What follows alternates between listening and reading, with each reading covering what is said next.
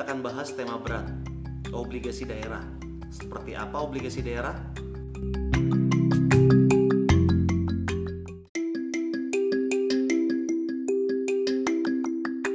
Karena berat, kita nggak perlu pembukaan panjang lebar. Fasten your seatbelt, ladies and gentlemen.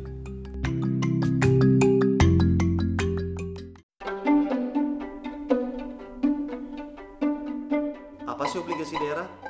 Obligasi daerah merupakan surat utang yang diterbitkan pemerintah daerah dan ditawarkan kepada publik melalui pasar modal.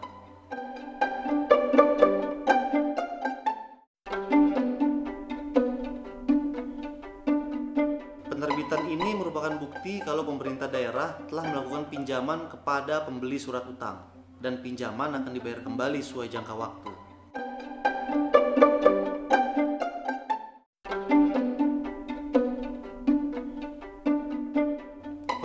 Utang akan mendapatkan bunga secara berkala sesuai dengan jangka waktu yang ditetapkan. Pada saat jatuh tempo, pemerintah daerah berkewajiban mengembalikan pokok pinjaman. Inilah instrumen alternatif kepala daerah dalam membiayai pembangunan infrastruktur yang akan meningkatkan daya saing daerah dan juga terobosan mengatasi keterbatasan kapasitas fiskal dalam membangun sarana dan prasarana publik.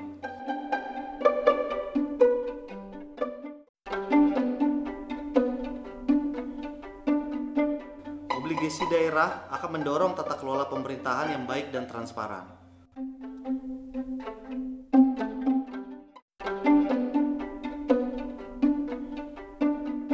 Tujuan obligasi daerah adalah membiayai proyek infrastruktur yang memberikan manfaat bagi masyarakat dan menghasilkan penerimaan daerah. Dengan obligasi daerah, pemerintah daerah tidak perlu menggunakan dana APBN dan APBD untuk membangun proyek infrastruktur.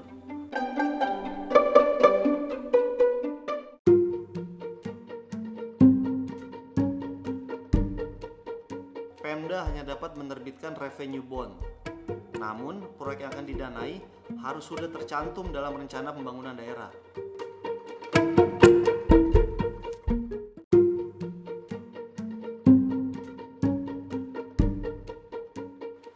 Usulan rencana penerbitan harus mendapatkan persetujuan prinsip dari komisi di DPRD yang menangani bidang keuangan. Proses selanjutnya di Kementerian Keuangan dan Kementerian Dalam Negeri. Lalu, bagaimana Pemda melakukan efisiensi birokrasi dalam persiapan penerbitan? Maka harus dibentuk penanggung jawab. Pemda harus membentuk unit pembantu sekretaris daerah, tepatnya Debt Management Unit atau DMU. Unit ini bertanggung jawab dalam menyelenggarakan perumusan kebijakan umum, koordinasi, pembinaan dan pengendalian, fasilitasi, serta pengembangan kerjasama pada bidang perizinan dan penanaman modal.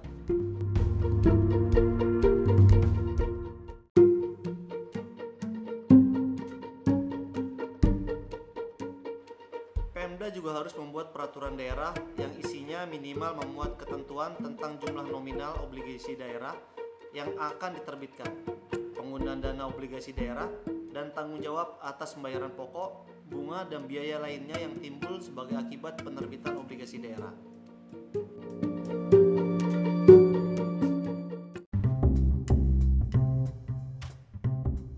Pernahkah ada daerah di Indonesia yang hampir menerbitkan obligasi daerah?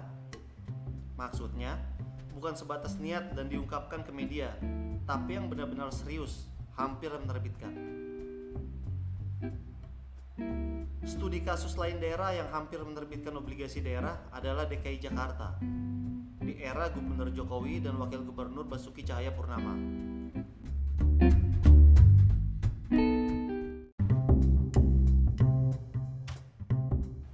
DKI Jakarta pernah hingga tahap Financial Management Assessment FMA dan telah dilakukan pemeringkatan atau rating oleh Pevindo tahun 2012 dengan hasil IDAA+.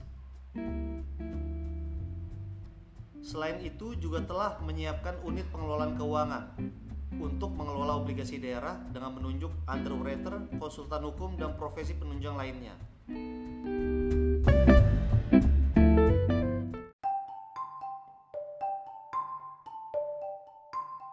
Lalu, mengapa obligasi daerah seperti menjadi complicated hard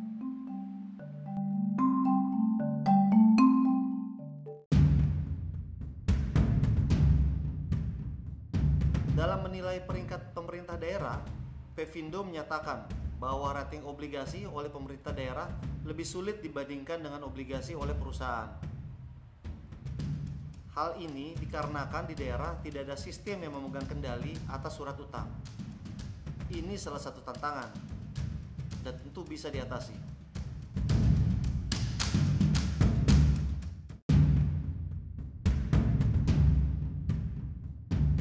Alasan lain seperti political will, mengapa pemerintah daerah di Indonesia hingga saat ini belum atau tidak mau menerbitkan?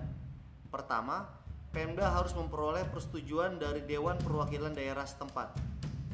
Ini merupakan proses politik yang mungkin menguras energi dan makan waktu.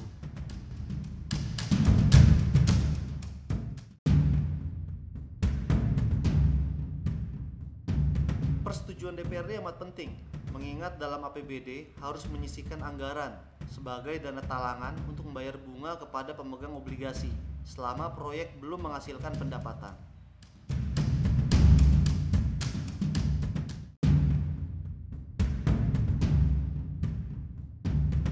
Kedua, terkait prospektus. Dalam peraturan Menteri Keuangan atau PMK, penerbitan obligasi daerah hanya dapat dilaksanakan oleh Pemda yang diaudit oleh Badan Pemeriksa Keuangan atau BPK. Audit laporan keuangan Pemda tersebut harus mendapat opini wajar dengan pengecualian atau wajar tanpa pengecualian. Alasan kedua sebenarnya bisa diatasi, yakni BPK menunjuk akuntan publik yang terdaftar di OJK untuk melakukan audit laporan keuangan Pemda. Ini menjadi jalan keluar dari persoalan tersebut.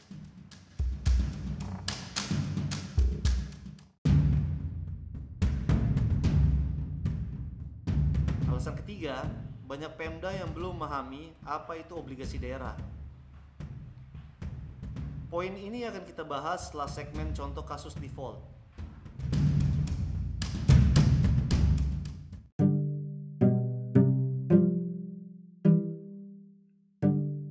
Apakah pernah ada kasus default atau gagal bayar obligasi daerah? Seperti investasi pada umumnya, kadang akan menemui kegagalan jika tidak dimanage dengan baik. Ada kasus beberapa kebangkrutan kota dan default telah menunjukkan bahwa kota dapat dan melakukan pengalaman insolvensi.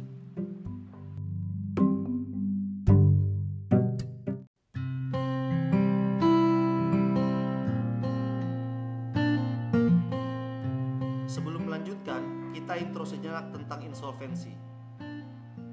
Insolvensi mirip dengan pailit, tapi pengertiannya beda. Singkatnya, insolvensi adalah debitur gagal untuk dapat membayar utang-utang yang dibebankan kepadanya. Atau debitur memiliki nilai utang yang lebih besar daripada seluruh aset atau kekayaan yang dimiliki.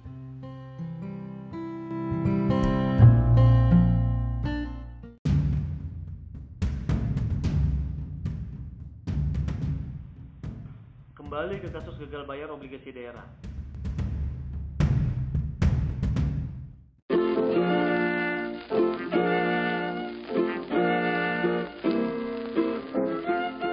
Di Amerika Serikat, beberapa kota pernah mengalami hal tersebut, seperti Jefferson County di negara bagian Alabama, Stockton di negara bagian California, Detroit di negara bagian Michigan yang meninggalkan catatan hutang 18 juta dolar Amerika.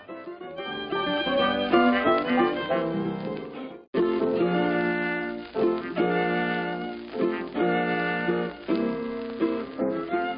bulan Mei 2016, Memphis di negara bagian Tennessee mengalami gagal bayar setelah pemerintah federal mencabut subsidi pembangunan apartemen sederhana.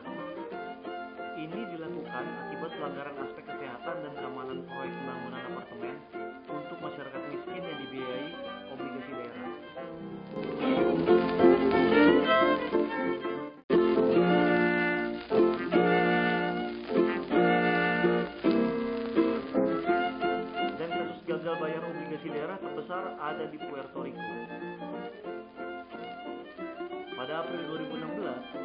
obligasi pemerintah dan obligasi daerah di Puerto Rico mengalami gagal bayar bersamaan secara massal yang nilainya hingga 442 juta dolar Amerika Serikat. Namun, jika dibandingkan dengan kesuksesan obligasi daerah, Kasus-kasus tersebut dapat dihitung dengan jari. Ibaratnya, jika ada kasus investasi bodong, lantas apakah kita akan berhenti investasi dan kembali memilih menaruh uang di bawah bantal?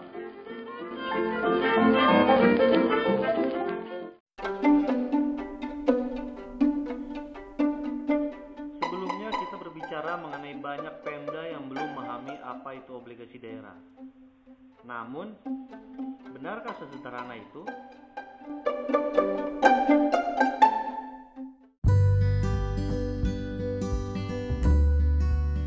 Kata Ormet akan mengatakan, rendahnya pemahaman pemerintah daerah, baik eksekutif maupun legislatif, adalah penyebab utama gagalnya penerbitan obligasi daerah. Padahal, ini bukan hanya tentang pemahaman, tapi merupakan parameter inovatif dan pengelolaan risiko.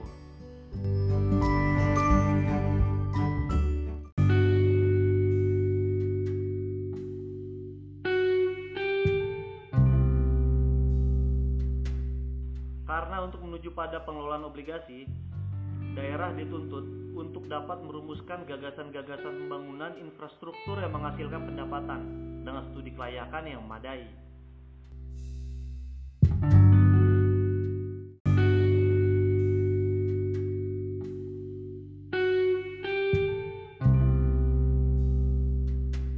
Pemerintah daerah juga dituntut mampu mengelola risiko pembiayaan yang membutuhkan kompetensi manajemen analisis keuangan.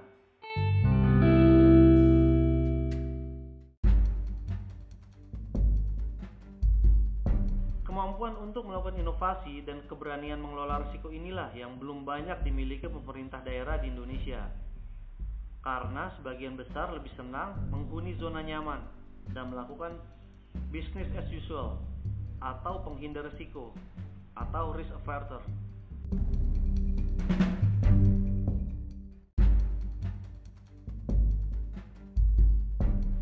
Kemiskinan inovasi daerah menyebabkan pertumbuhan PAD yang rendah dan hal ini akan berdampak pada rendahnya rasio kemampuan keuangan daerah untuk mengembalikan pinjaman.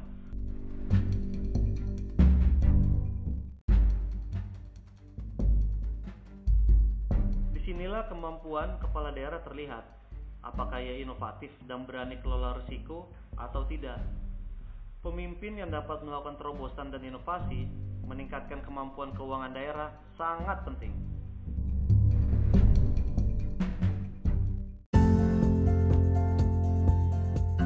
Pemerintah dan OJK sebenarnya telah menerbitkan payung hukum untuk memudahkan daerah. Di antaranya Peraturan Pemerintah Nomor 30 Tahun 2011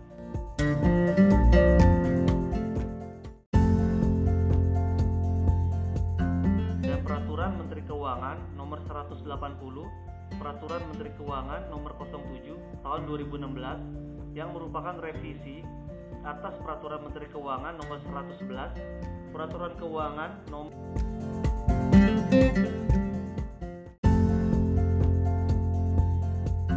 Nomor 07 Tahun 2012 tentang tata cara penerbitan dan pertanggungjawaban obligasi daerah.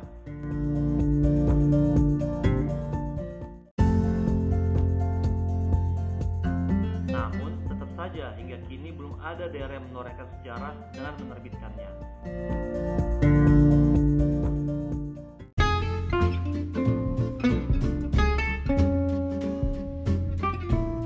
Kata Orman berpendapat, situasi pandemi saat ini menjadi golden moment bagi daerah untuk menerbitkan obligasi.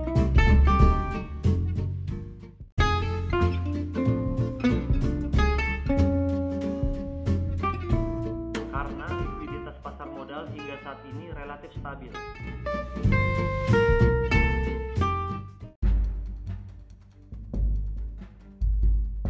Jika pada tahun 2015 Menteri Keuangan Bambang Brojonegoro mengatakan bahwa obligasi daerah belum banyak menjadi kebutuhan yang mendesak, itu benar. Karena mengingat dana daerah yang berada di perbankan nyaris mencapai 300 triliun.